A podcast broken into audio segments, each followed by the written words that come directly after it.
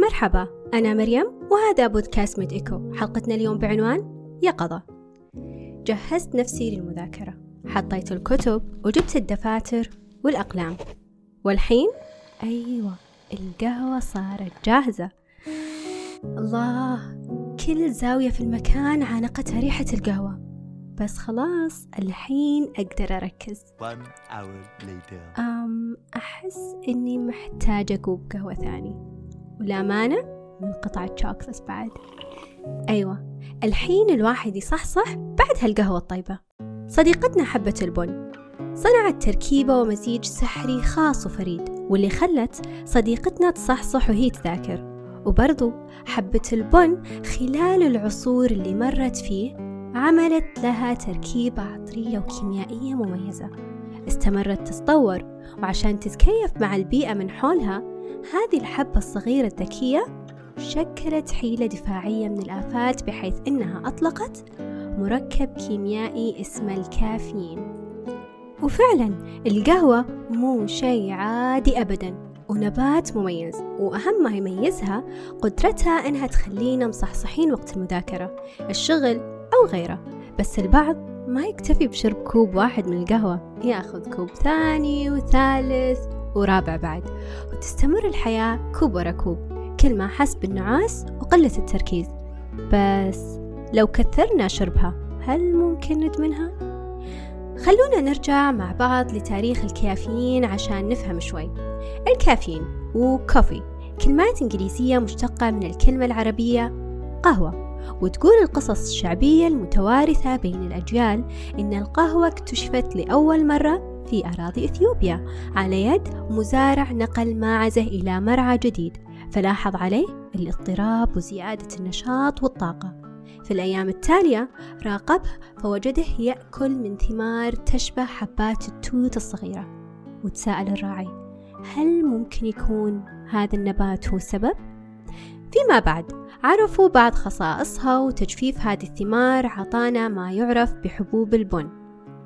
يعني من دولة إثيوبيا بدأت الحكاية وسافرت حبوب البن عبر القارات وصارت كل دولة تشتهر بطعم وطريقة مميزة مثل الإسبرسو في إيطاليا والقهوة التركية والأكيد ما ننسى قهوتنا اللذيذة القهوة العربية اللي صارت اليوم جزء كبير من ثقافتنا وحضورها ما يغيب عن أكبر مناسباتنا وأصغرها.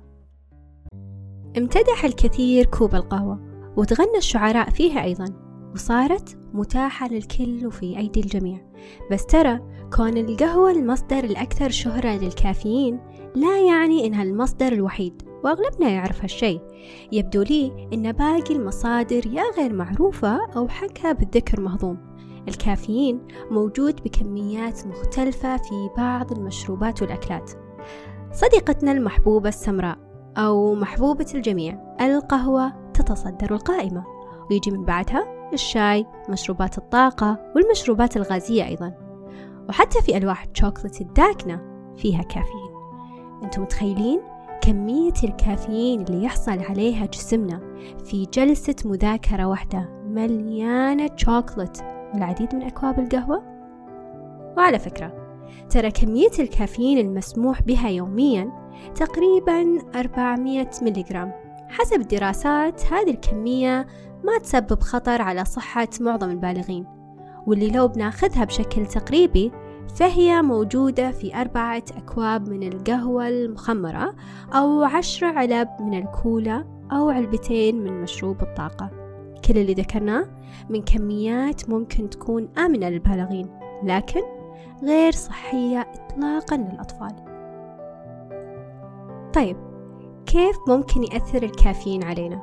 كيف يشتغل وش يصير خلف الكواليس غير الاستمتاع بطعم كوب القهوة أو كوب الشاي أو الشوكولات الكافيين له تأثير كبير على الإدرينالين يعني معقولة أن حتى هرموناتنا تتأثر بالكافيين؟ بس طيب شلون؟ الكافيين يؤثر بشكل واضح على الغدد الصماء وهي الغدد اللي تصب هرموناتها في الدم مباشرة ومن أهمها الغدة النخامية واللي بعد تسمى سيدة الغدد. الكافيين يزيد من نشاط الخلايا العصبية في المخ وبالتالي يثير الغدة النخامية اللي بدورها تحفز الغدد الكظرية لإفراز هرمون الإدرينالين والمعروف بهرمون الخوف. فتصير تغيرات في الجسم وكأنه في حالة طوارئ فتتسارع نبضات القلب ويرتفع ضغط الدم وهذه كلها وسائل تزيد من اليقظة. والتأهب عند الشخص. أما لو بنتكلم عن أعظم جهاز ممكن يأثر عليه الكافيين فراح يكون الجهاز العصبي المركزي. الكافيين يأثر على الناقلات العصبية يعني بيحافظ على تركيز عالي من الدوبامين في الدماغ. وزي ما أغلبنا إذا مو كلنا يعرف أن الدوبامين هو ناقل عصبي مرتبط بالسعادة.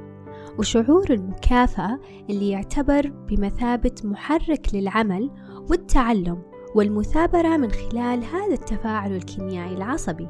يحسن الكافيين الانتباه واليقظة ويقلل من الشعور بالتعب. وتوقع هذا يفسر رغبة صاحبتنا أول الحلقة في شرب القهوة قبل المذاكرة وحتى أثناءها طيب هل تتوقعون نشاطنا البدني بيهرب بعيدا عن تأثير الكافيين؟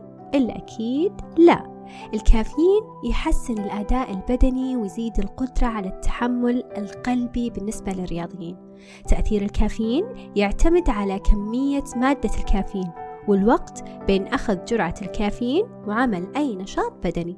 يعني الوقت الفاصل له تأثير مهم وكبير وعشان كذا الكافيين يعتبر خيار مثالي للرياضيين المهتمين بزيادة نشاطهم وطاقتهم بشكل آمن. ونكرر أن في كمية مقننة للأفراد لتناول الكافيين لا يسمح بتجاوزها. وكلنا نعرف كل شيء يزيد عن حده ينقلب ضده.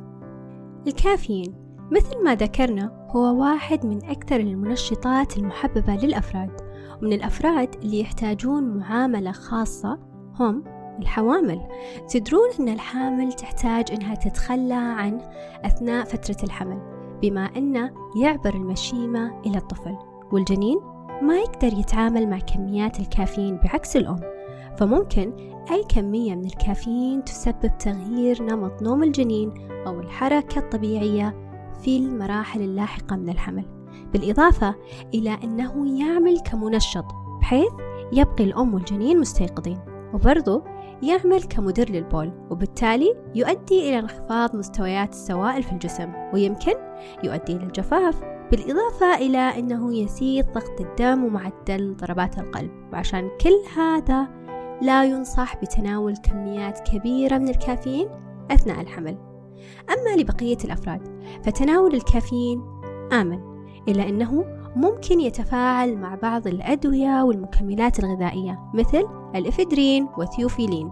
بعض الأدوية يدخل في تركيبها بعض الأعشاب مثل نبات القنفذية.